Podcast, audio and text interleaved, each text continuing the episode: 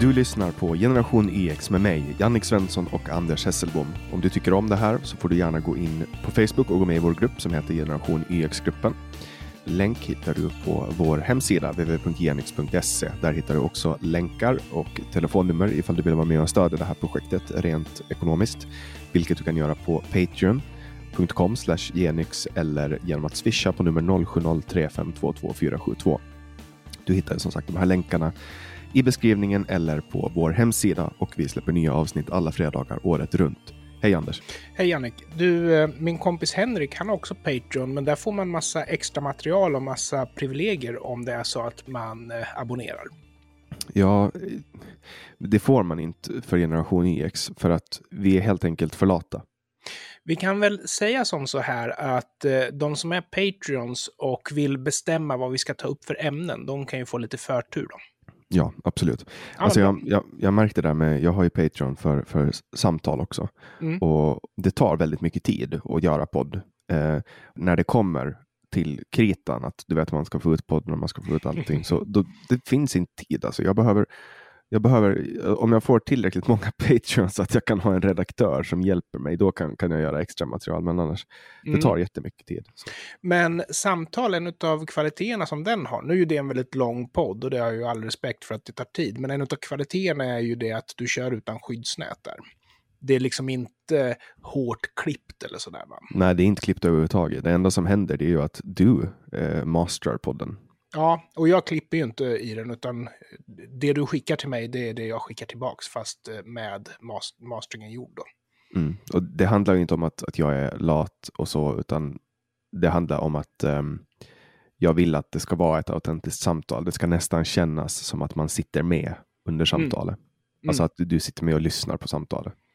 Ja, och jag får en känsla av att vi är ju inte lika djupa i generation YX, utan vi är ju lite mer alltså rappa och tyko tykonomer, eller vad man ska säga här. Så det är ju verkligen två olika koncept och jag, jag gillar båda. Jag ska ju också säga att jag var inte jätteförtjust i första och inte andra avsnittet heller av Generation YX, men idag tycker jag att det är en jäkligt bra podd. Och, ja, det här har jag nog sagt förr, det gick bara en tre, fyra avsnitt, sen tycker jag att liksom, vi hade landat. Mm. Och jag har lite svårt för det där att nu vet jag att de första avsnitten vi slängde ut, så jag kan inte riktigt stå för dem, hur länge ska de ligga ute, allt det där liksom. Jag tycker det är kul att kunna gå tillbaka och lyssna. Nu har inte jag gjort det, men, men jag kommer ihåg att, att du inte var supernöjd. Jag var bara glad för att få testa vingarna, för att det vi Mm. gjorde med Generation EX i början var ju att vi inte marknadsförde den speciellt mycket, eller överhuvudtaget, och det har vi fortfarande inte gjort. Så det är ett levande projekt och nu börjar vi närma oss. Nu är vi närmare ett år än eh, noll år så att säga. Ja, Vi har hållit på över ett halvår. Eh, ja så 30 att, avsnitt. Ja, eh, det är 30 veckor ungefär. Fast vi har ju varit sjuk. Vi var sjuk någon gång i höstas. Ja, vi bommade ett avsnitt och det var... det var ditt fel. Nu var vi sjuka båda två, men det var du som liksom dog med stövlarna på och inte lyckades sätta dig framför micken. Mm. Ja, nej, det blev, det blev, det blev inte av. Men, men eh, det var ju också en av, av vändpunkterna där vi lät formatet formas vartefter. Före det så var vi också att vi tvingade fram en timme eh, Mm. från varje avsnitt och, och ofta så blev det mycket vatten i slutet. Så Mm. att efter att vi kom på att man fan, vi kan slappna av lite, det gör ingenting om det blir 40 minuter, så tycker jag att det har blivit mycket bättre. Ja, nej och ibland är ju liksom, ibland är ett avsnitt kort och så är det. Ibland är avsnittet långt, men då ska det ju få vara långt för att vi fortfarande inte har avhandlat det ämne som vi diskuterar. Och eh, jag vill ju göra shoutouts till de få lyssnare som är väldigt aktiva på att kommentera det vi säger på Twitter. Jag vet att jag är dålig på att ge feedback, men jag läser precis allt som skickas till mig. Så om det är så att jag är dålig på att svara eller verkar kort ibland så är det för att alltså, det är en tuff period just nu. Jag håller på att renovera hemmet. Det är dags för årsmöte för humanisterna. Jag sitter med alla handlingar där. Jag ligger efter på jobbet liksom på grund av allting. Så ibland har man tid att vara på sociala medier, ibland har man inte. Mm. Och vi har ju också gjort lite livesändningar istället för Mm. Clubhouse. Nu har vi inte gjort någonting direkt som är kopplat till Genix, men vi har Nej. gjort det i samtalsgruppen för Facebook, på Facebook då, för podcasten Samtal och eh, häromkvällen så gjorde vi en eh, livesändning på din födelsedag mm. Då hade du druckit lite, lite kalja ja, i Finland. Det beror ju på vad klockan är. Liksom. Det är ju inte så att jag tänker bli någon jävla orienterare och renlevnadsmänniska. Utan är det så att du hör av dig med din konstiga dygnsrytm till mig, då, då är det ju liksom jag är ett paket. What you see is what you get. Så det kan du ju veta om i framtiden, att det är på egen risk. Liksom. Ja, men jag visste inte att du var en fullfjädrad bänkalkoholist när vi, när vi började. Jag fattade att det fanns lite alkoholproblem där som dolde sig bakom skägget, men att att du är en grönsak redan vid nio, det hade jag ingen aning ja, men Problemet är dina ord. Jag, hade, hade jag haft problem så hade jag nog tagit tag i det. Jag, det där har vi diskuterat. Jag vill leva mitt liv så som jag lever mitt liv. Ja, du har ju inte så många år kvar. Nej, att, eh, dessutom det. Dessutom det. Men ja. däremot så har jag i alla fall inte corona. Och eh, jag har uppdaterat eh, min coronastatus där, för det är nämligen så att jag ska skola in en konsult på tisdag. Och då tänkte jag att det kunde vara lite seriöst faktiskt att göra ett extra coronatest så att jag vet om jag har viruset eller inte, om jag är smittsam eller inte. Nu kommer vi såklart hålla avstånd i alla fall, men, men jag tycker att det är seriöst att sköta de bitarna i alla fall. Men eh, du har testat dig förmodar jag? Ja, två gånger och det är fan mm. det vidrigaste jag varit med om. Första ja. gången slutade i katastrof. Eh, mm, det var i våras hemma på Åland. Vi körde drive-in och då gick jag promenera dit. Jag mm. körde inte bil utan jag promenerade dit för att jag undrar om jag inte hade jag vet fan inte varför jag promenerade dit, men jag promenerade dit. Jag bor väldigt nära sjukhuset på Åland. Och då satt jag mig på en bänk där och så kommer de här människorna i hazmat suits och stoppar in de här 17 meter långa slangarna i näsan. Det är ju som att stoppa in en radiomast i näsan. Uh, och den går ända ner till, alltså den går in genom näsan och mm. ända ner och så går den ut genom rövhålet. Ja, uh, typ så, så lång är den. Och så håller de på att dra den fram och tillbaka. Och jag tog tag i hennes arm och, och, och drog ut den och bara, du kan inte göra så här, sa jag. Och, och då blev hon jättearg på mig, alltså hon mm. allvarligt arg. Eh, men jag upplevde ett mycket starkt obehag. Det var, jag fick ett negativt coronaprov, för att jag hade ju haft corona redan. Det fick jag av Alexandra Hedborg. Mm. Eh, det skulle kunna ha varit, man brukar ju säga så här, om man, om man, när man, i normala fall när man refererar till, till en eh, person av motsatta könet så brukar det vara så att ah, fick klamydia av, av eh, bla bla bla. Men i det här fallet så fick jag corona av Alexandra Hedborg. Är hon okej okay med att du säger det? Alltså, jag valde att ta risken att spela in med henne under corona för att jag gjorde samtal ända in i slutet fysiskt. Ja, jag vill eh. bara säga det att om hon opponerar sig så blir det antingen en stämning eller så får vi pipa bort alltihopa det där. Men bara du är medveten. Ja, men jag, har nog, jag, jag pratar nog med henne om, om det faktiskt. För ja, hon har varit med två gånger i samtal, den enda som har varit med två gånger. Men varför uh, gjorde du om det för då? Samtalet? Coronatestet? Ja, coronaprovet. Ja, när jag kom till Åland då i februari, då gjorde jag ett coronaprov eh, efter att jag hade kommit hem. Och då hade jag inte corona. Då gick det lite lättare, men mitt öga blev helt rött och rann. Och det bara mm. rann och rann och rann. Uh, ungefär lika mycket som mitt öga rann igår när jag skulle sova. Jag tänkte på kvällen när jag skulle gå och lägga mig att nu före jag går och lägger mig. Jag har, jag har varit väldigt produktiv på, på sistone. Jag har mycket. Jag har gjort allting. Du vet, bokslut och sånt är klart uh, i, i bolagen och, och skolan, det är ganska lugnt till i skolan och det finns inte så mycket att göra i Sverige för man får inte vara ute och hålla på träffa så mycket människor. Så jag tänker så att nu ska jag ta en myskväll. Så jag, jag liksom tar av mig tröjan, smörjer in axlarna med liniment, eh, alltså Linex. Och jag har gjort det här många gånger och det brukar ju bränna lite, men, men den här gången så tog jag ganska mycket och jag masserade in det ganska hårt och tänkte att nu ska jag sätta mig ner och så ska jag få den här mysiga känslan. Hängde en handduk över, över ryggstödet på stolen och så ska jag spela lite Oblivion, Game of the Year 2000, mm. Eh, vad det nu var, 2009 kanske. Ja, jag har sett det. Och, det är snygg och atmosfärisk grafik och sådär. Ja, helt otroligt. Och så sitter jag ner och så börjar det bränna. Då hade jag duschat före, så huden var torr huden bara sög in det här linementet och det gjorde så ont. Det gjorde så ont så att jag, alltså jag, jag visste inte om jag skulle överleva. Alltså, jag hade, alltså, det, och det, det, gjorde, alltså det brann som att det var lava som rann över mina axlar. Det var fruktansvärt. Um, så där satt jag. Jag somnade vid ungefär halv fyra på natten. Då hade det börjat coronatest eller? Eh, ja, i, för att det var så utdraget. Du vet om hur det går till i Sverige? Nej. Då får man utrustningen och instruktionerna. Och man har ingen som petar upp någonting i näsan på en. Utan man gör det där själv. Och det är obehagligt nog. För sen ska man ju alltså blanda en sån här jävla saliv och snorcocktail åt dem. Och som man sen ska försegla och sen ska man sterilisera utsidan på den här burken och märka upp den med streckkod och lämna ifrån sig den. Så det är ingen som det är ingen som gör någonting mot dig när du gör ett coronatest i Sverige. Men eh, med det sagt så tycker jag det fortfarande är väldigt obehagligt att själv trycka upp den där jävla pinnen i näsan. Ursäkta språket. Och jag vet alltså om mig själv att jag skulle aldrig klara att någon annan gjorde det på mig. Aldrig. Nej men alltså det, det, den längd som de kör in den där mm. alltså det, det, är ju en, för det första är den lika lång som en radiomast, alltså ungefär mm. 600 meter lång. Ja. Och så trycker de in den så att den går rakt genom hela kroppen och ut genom rövhålet. Det är, det är fy fan. Mm. Uh, alltså det är, helt, det är fullständigt vidrigt. Jag, jag, kan säga som så här att jag har vid ett par gånger gjort uh, rektoskopiundersökningar där de gått in bakvägen ända in i tunntarmen. Och när de gjorde det sist så gick det fel, de kom inte rätt och de de var liksom människor som knådade på den här utrustningen via magen, andra som drog och försökte styra i spakarna där bak. Och eh, jag hade bestämt mig för att köra det här utan bedövning.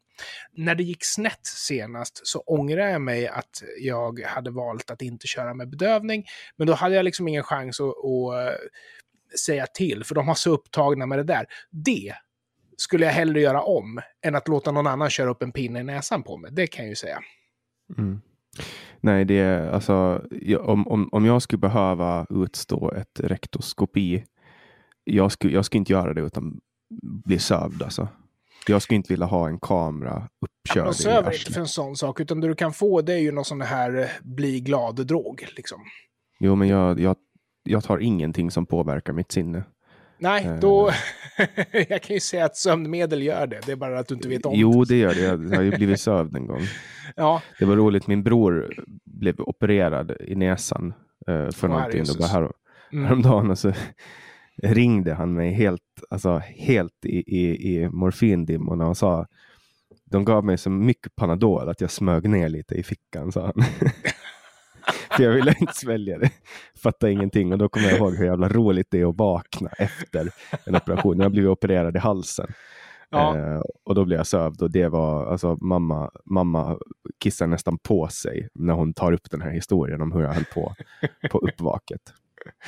Ja, Jesus, ja, Jesus. Jag kan säga att min son har jag ju sett eh, och eh, han blir ju lite raggig liksom på brudar när han vaknar till liv om man säger så. Mm. Men det är bra.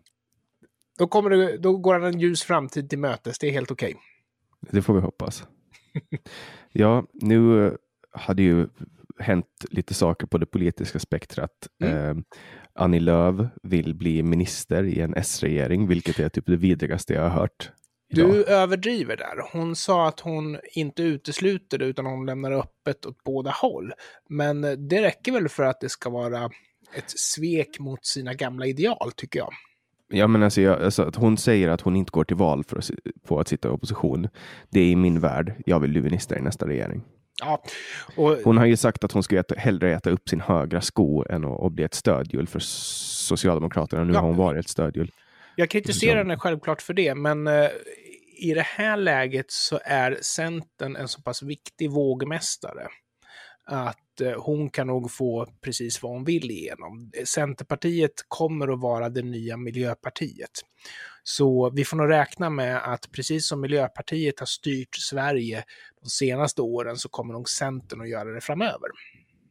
Ja, jag vet inte vad jag ska säga om, om, om hela det som håller på att hända nu, men jag hamnar lite i blåsväder på grund av det. Liberalerna vill ju tillbaks till Alliansen nu. Ja. Och, och det har gjort att folk är ju såklart jättearga inom Liberalerna som alltid. Det är typ fyra människor i, i Liberalerna som, som inte tycker att, att eh, det ska vara så. Och de, är ju liksom, de ligger ju under spärren nu. De är ja. långt under spärren, 3 procent eller något sånt. Och det gör att, eh, att Kristersson då skulle kunna bli statsminister om Liberalerna, Moderaterna, KD regerar med stöd av Sverigedemokraterna. Och, och det gör ju då såklart att eh, eftersom, eftersom narrativet går att Sverigedemokraterna är nazister, mm. då blir ju Moderaterna, Liberalerna och Kristdemokraterna också nazister. Så ja. jag skrev en tweet om det. Ja. Eh, ja, du kanske såg det? Nej. Ja, okej, okay, du såg inte här. Jag skrev en tweet som gick ut på att jag skrev, kan någon förklara varför det är de så kallade nationalisterna med rötter i nazismen som står upp mest för judar i Sverige? Och då satte jag citationstecken, nationalisterna med rötter i nazismen, slutcitation. Var det det som Henko blev arg på? Eller? Ja, ja, det var inte bara Henko som blev arg på det, men, men alltså den, här, den här fick jättemycket täckning, den här tweeten, och så skrev Henko från haveristerna att han ville dumförklara mig i nästa podd. Så jag har blivit upptryckt mot väggen av, av Henko Johansson och eh, vi får se om han publicerar det. Jag tycker att jag gjorde ganska bra ifrån mig. Ja, då lär han inte publicera det om, om du gjorde bra ifrån dig. Ja, man vet inte, men jag håller ögonen öppna och mm. vi, lär, vi lär veta efter nästa avsnitt. För om, om det är så att, att de sänder, sänder det i haveristerna så då får ju vi lite gratis reklam.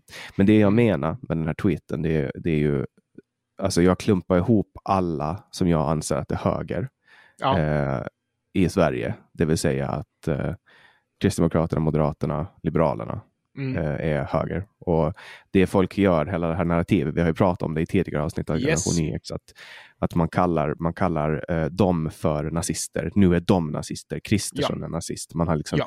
redigerat in bilder på eh, Ebba Busch där hon står med eh, Mein Kampf och man har försökt få eh, någon post bortplockad från Facebook där Kristersson pratar om förintelsen för att han är vidrig och för att mm. han har lovat Heidi Frid någonting och hit och dit. Att man har verkligen liksom kört hårt på att de är nazister så att det ja, jag ironiserar över och gör satir på det är just det här. Men, ja. men det förstår inte Henko. Nej, men Socialdemokraternas hela partiprogram bygger ju på att eh, smutskasta. Menar, eh, Socialdemokraterna kan knappast inte prata om sin politik. Och det innebär ju att de ger en legitimitet åt det som de som kanske står ännu mera ut på vänsterkanten alltid har tyckt. Det är att Miljöpartiet och bortåt, alltså alla som är mer högre än Miljöpartiet, det innebär Folkpartiet, Centerpartiet och så vidare, de är liksom dödsknarksnazister. De är liksom Hitler är någon slags eh, Moder Teresa i jämförelse med dem. Och det är ju ett narrativ som de alltid har haft. Men det har liksom blivit mer och mer acceptabelt, speciellt nu när Socialdemokraterna går till val på att insinuera att de här extremisterna på vänsterkanten alltid har haft rätt. Mm. Ja, Men jag det... förstår vad du menar, för det finns, alltså tittar man på de som är nynazister i Sverige idag så har ju de ingenting till övers för judar. Men tittar man på många av de som anklagas för att vara nazister i Sverige idag så är det ju snarare muslimer som de går i clinch med. Det är ju någonting som extremhögern har gemensamt med extrema muslimer. Det är ju hatet mot judar. Men som sagt, många av de som anklagas för rasism har ingenting emot judar. Mm. Ja, och, och, nu är det ju också lite skyttegravsstämning. Alltså folk från vänstern kallar folk till höger nazister och folk till höger kallar folk från vänstern för judehatare. Så att det är jävligt infekterat. Jag och Henko kom in mycket på Israel-Palestina-konflikten och, och, och, så och det är ju ingenting som två vita män i Sverige kan Nej. reda upp det, den är liksom lite övermäktig. Ja, och det, eh. det, är definitivt inte svartvitt att det är Israel som är the good guys och eh, Palestina som är the bad guys där. Däremot så får man ju säga att det som gör det här komplicerat är ju att Israel är ju trots allt en demokrati, men Israel är ju tyvärr också en marknadsekonomi. Och då är man ju lite grann per automatik ondskefull. Eh, Palestina må vara en teokrati, men de är åtminstone socialister och då är man ju lite god. Men, men, men sen ska man ju komma ihåg att eh, du har ju koloni, vad heter det? Du har ju bosättarna liksom och det är ju det är ett enormt besvär för Israel att de sysslar med bosättning på palestinsk mark. Ja, eh, alltså det, det, det, händer saker från båda håll som, som är, är mindre trevliga. Eh, ja, raketerna som går från Palestina till Israel är också ett problem naturligtvis. Ja, de, de menar Henko att det var små värdelösa raketer som inte träffar någon, men jag menar att Israel har mm. liksom byggt upp en så bra militär anti raketförsvar för att de har varit under ständig attack. Liksom. Det finns inget eh. annat land på hela jorden som både är en fungerande ekonomi och har en försvarsbudget som är 8% av statsbudgeten. Det är bara Israel. Ingen annan kan mäta sig med det kan jag säga. Mm. Ja, de är ju, man blir ju, erfarenhet gör ju en extremt skicklig. Mm. Eh, så är det ju.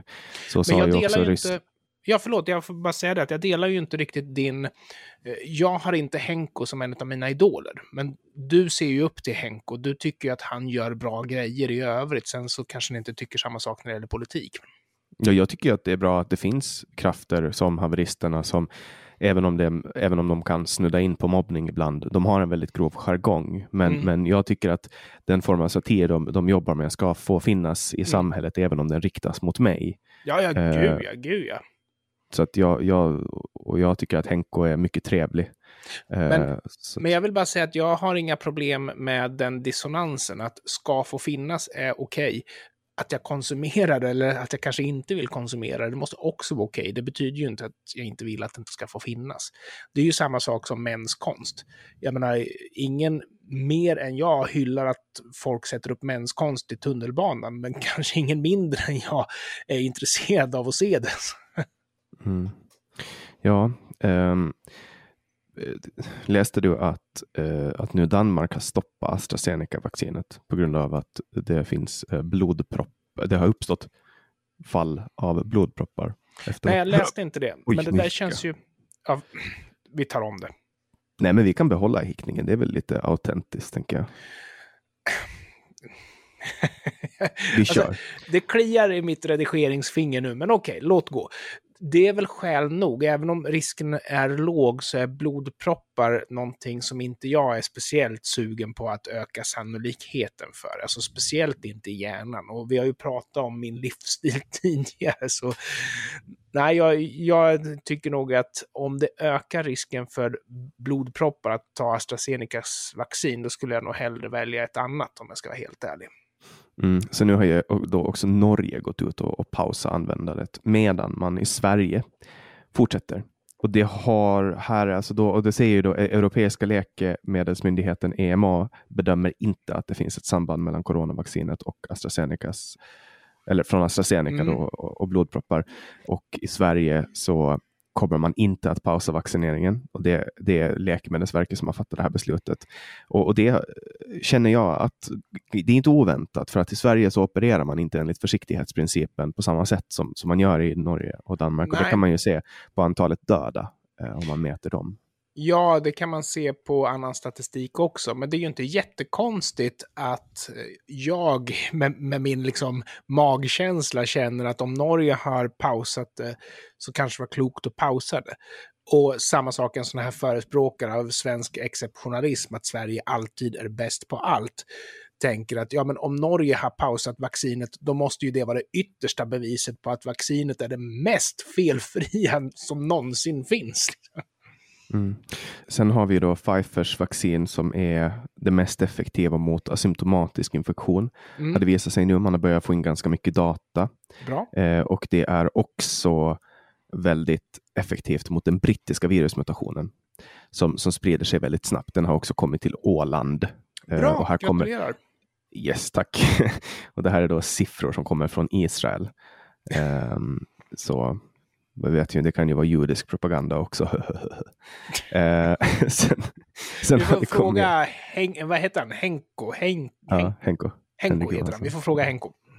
Eh, och sen hade kommit ett nytt vaccin som EU har godkänt från nederländska Janssen. Som låter lite danskt. danskt. Eh, och eh, det behövs bara en dos sägs det. Mm. Mm. Ehm, så. Jag får fråga Karsten om han tar det. Helvete. Helvete. Ja, så att det är på gång just när det kommer till vaccinet. När det kommer till inrikes eh, grejer så är det så vill M nu förbjuda etniska föreningar. Berätta vad det är. ja, en etnisk organisation. För att den ska räknas som etnisk så ska den ha minst 51 procent eh, av medlemmarna som har utländsk bakgrund. Eh, och de kan få bidrag för att driva verksamhet i, de ska bedriva verksamhet i Sverige. De ska finnas i minst tre län. De ska ha minst fem lokalföreningar eller avdelningar och ha minst tusen betalande medlemmar i lokalavdelningarna. Ska ha funnits minst i två år, ska bekosta en del av sin verksamhet själva och de ska ha minst, ja, ja, det, ja, det är den här. Det, är där etniciteten en faktor som gör att de kan söka bidrag? Alltså, eller? Ja, de, organisationen ska räknas som etnisk om den har minst 51 procent av medlemmar med utländsk bakgrund. Och det, det här sa då... Skillnad.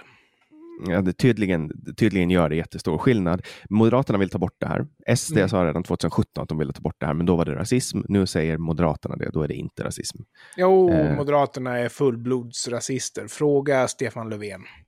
Ja, men jag tror även att 2017 så tror jag nog också att även Moderaterna var, eh, ja. höll med om att... Nej, men jag är ju, alltså det här med rasbiologi, att eh, man måste ha en viss hudfärg och en viss bakgrund och en viss religion för att komma åt vissa rättigheter. Jag ogillar det där skarpt.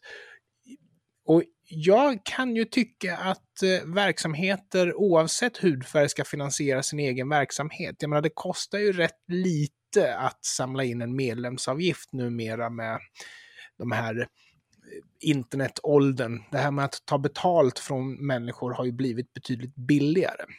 Och det är definitivt ja, du kan till och med skicka begär, begäran på Swish. Ja, och det är definitivt inte mer hur den vrider och vänder på det, en 50-lapp per person du får betala för att du tar in en medlemsavgift. Och som sagt, betydligt mindre förmodligen idag om du har en effektiv administration och ett modernt betalningssätt. Så eh, jag, jag, tycker att grundprincipen ska vara att föreningar gärna får vara etniska, men att de får finansiera sin egen verksamhet. Det gäller ju de som inte är etniska, som, liksom, såvida man inte är religiös förstås, för då har man ju enligt lag rätt att söka projektbidrag för det man håller på med. Men jag menar, tänk dig om du är vit man, ateist, Alltså, vad sjutton kan du liksom lägga på bordet för att komma åt gemensamma medel? Vore då får man ju inte om man är 51 procent svenskar. Jag tror inte att man får söka som etnisk förening då, eller? Nej, och om du inte bedriver gudstjänst så får du inte söka projektbidrag för eh, religiösa församlingar och så vidare och så vidare. Så jag menar, diskriminering på grund av religion, på grund av bakgrund, det är någonting som jag tror det vore bra om vi såg över. För det, det är liksom suboptimalt i ett modernt industriland. Mm. Nu försöker jag komma ja, på... Ja, ja, här kommer en segway. En etnisk förening som inte sannolikt skulle få bidrag var den som samlades på Medis på Medborgarplatsen i Stockholm. Oh. Det var ett härligt hopkok av olika människor ledd av någon gammal idolsångare som sjöng Stad i ljus och eh, hade en tusenmannamarsch. Eh, det var lite anti-vaxxers, det var lite anti-5G, det var lite anti-coronarestriktioner. Det var lite allt möjligt alltså. Jag har alltid uppfattat han som en galning efter att ha läst om honom i pressen och läst om hans... Han driver förresten tesen att corona är marknadens eh, konstruktion för att få sälja eh, vaccin men, och tester och sådana här saker. Vilket Samtidigt som han själv säljer tester i sitt vilket företag. Vilket också är hans levebröd, exakt. Ja. Så, så han känner väl sina löss på gången antar jag. Han tror inte på det men han är beredd att ta emot pengar för att folk tror på det. Och så antar han samma sak om alla andra.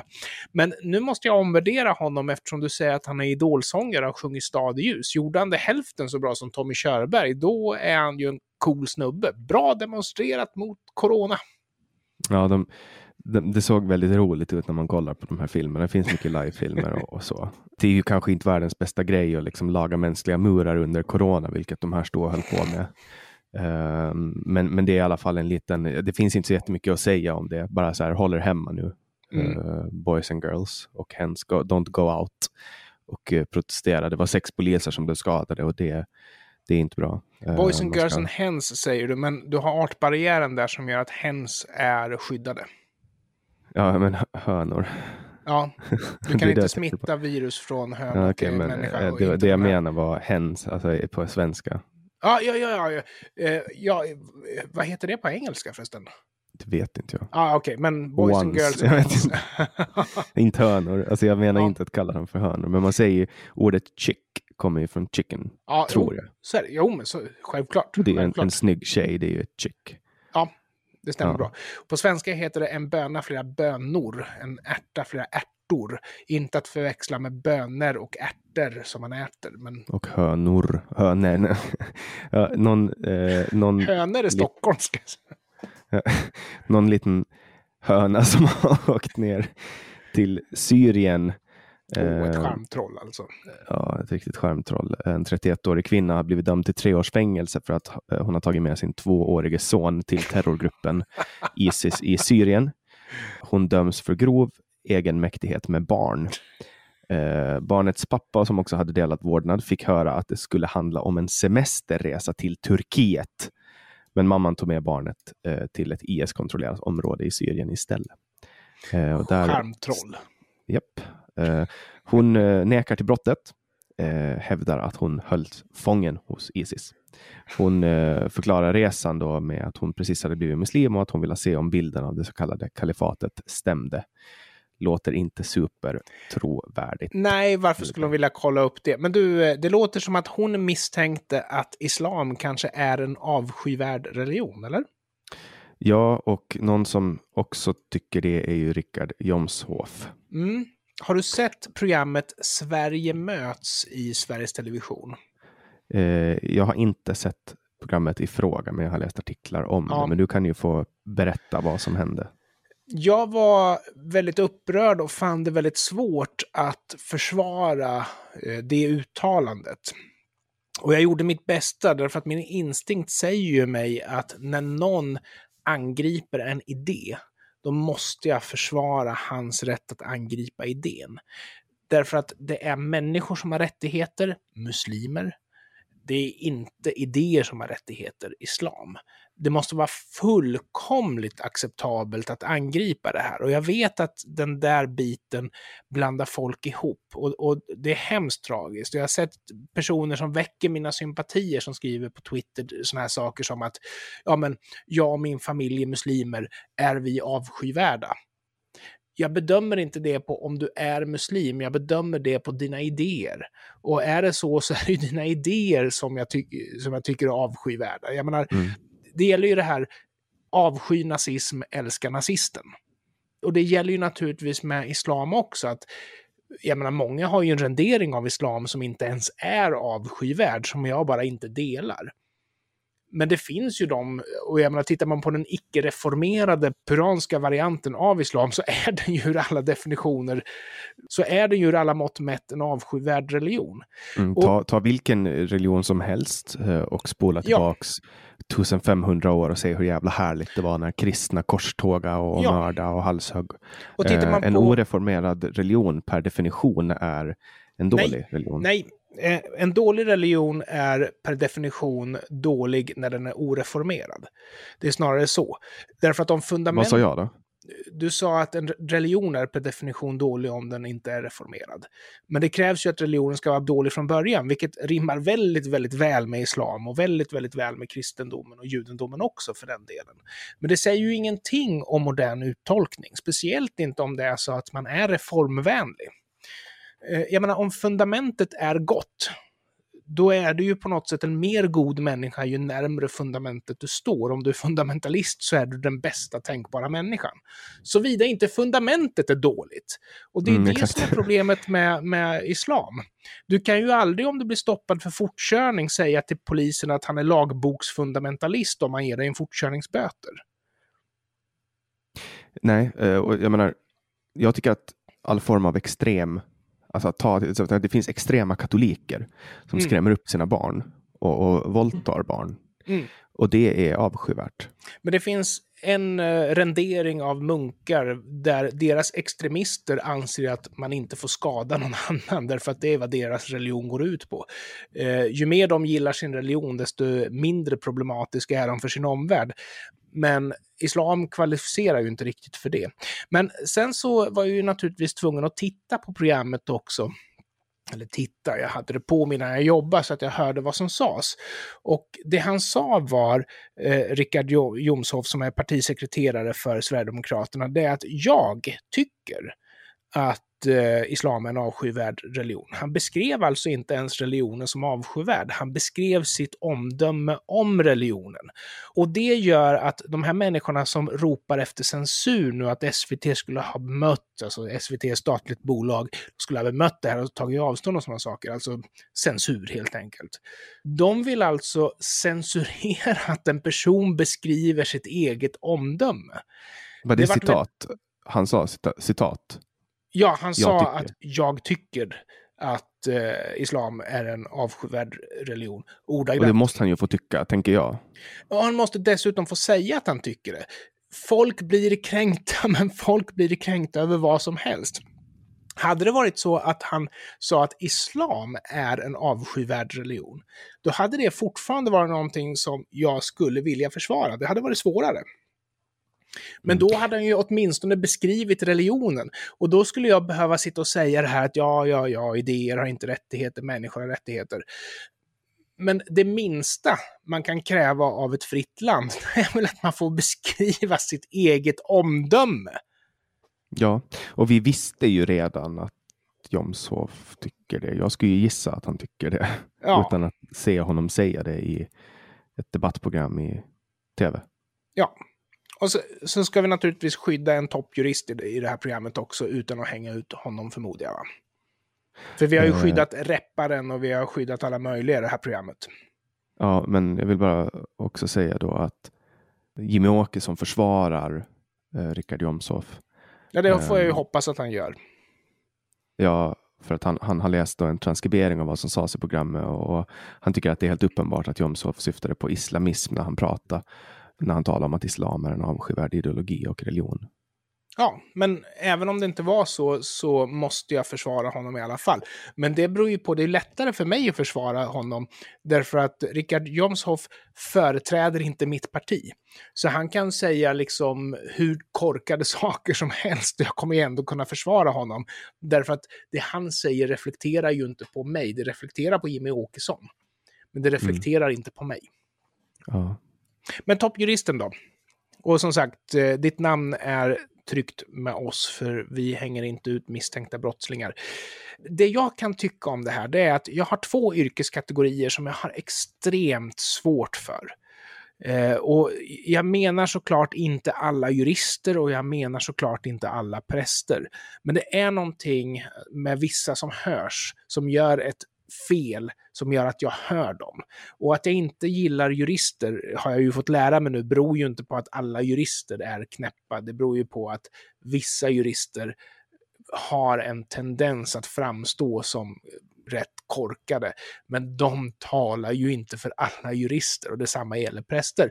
Men du vet det här, de som anser sig tala ifrån en högre moralisk grund och sen när någonting går riktigt snett, som i det här fallet att en toppjurist misstänks ha våldtagit en annan människa. Och det, här då, det, bara, det här är alltså en person som har på något sätt varit i en förtroendeställning. Han har varit yes. någon form av mentor till henne och hon har Korrekt. studerat juridik. Korrekt. Då kommer man in i den här diskussionen, ja men det visar ju att vi också bara är människor. Och det här kommer alltså från personer, när man säger så, då har man ju visat att man inte har en susning om den moraliska nivå som vanliga människor ligger på. Därför att det är ju psykopater som håller på så här. Och jag kommer ihåg att första gången som jag kom i kontakt med det här, känner du till rockgruppen Genesis? Ja. Känner du till att de släppte en väldigt religionskritisk låt som hette Jesus? Jesus he knows me, and he knows I'm right. Kalasbra låt för övrigt. Och eh, han angrep ju kyrkan stenhårt där. Och eh, de, alltså videon är ju tokcensurerad idag. För det var ju präster som hånglade med eh, läderbögar och allt vad det var. Liksom. Och det var ju kyrkans hyckleri de lyfte upp där. Och kyrkans svar, nu kommer jag tyvärr inte ihåg vilken församling det var i USA, så ja men vi är bara människor. Ja, men om det är så att man fördömer homosexualitet medan man själv är homosexuell, då är man inte bara människa. Då är man långt under gemene man. då kämpar man för att komma upp i gemene mans nivå. Och om det är så att en jurist som kommenterar att en annan jurist har gjort sig skyldig till våldtäkt, vilket den här juristen inte... Eh, han är ju inte dömd för någonting. Han är ju häktad för att han är skäligen misstänkt. Om det är så att det väcker reaktionen att vi är bara människor, då kämpar man med att nå upp till den moraliska nivå som vanliga människor faktiskt ligger på. Ja. Nu försökte jag komma på en, en bra segway till det här. Men det, det går inte. Jag, hur, ska, hur ska jag liksom snyggt segwaya in att Victoria och Daniel är coronasmittade? Ah! Nej, jag tror att Victoria och Daniel tackar dig för att du inte försöker segwaya in dem från toppjuristen kan jag säga. Ja, Jaså, se där. ja de har, de har uh, uppvisat lättare sympto- symptom och nu sitter de hemma. Det betyder ju alltså att de har misslyckats med att hålla distans. De har inte hållit avstånd. de har, inte, Ja, de har de har åkt för mycket tunnel. Små barn drar hem saker. Ja, nej, men jag skojar bara. Eh, Ja. Det är jättetråkigt. Eh, Daniel har gått på den skolan som jag går på. Jaha, Eh. där, se där. Han är en av de kändare som har studerat här. Ja, jag tror att han var väl kanske till och med över året eller ett par år innan han flyttade från Brickebacken i Örebro faktiskt, där han är född. Mm. Och det räcker ju för att vår lokaltidning ska säga att han är örebroare, men Ja, det klart. Det var kungen, eh, kungen har väl något känt där, kära örebroare. ja, han sa det i Arboga.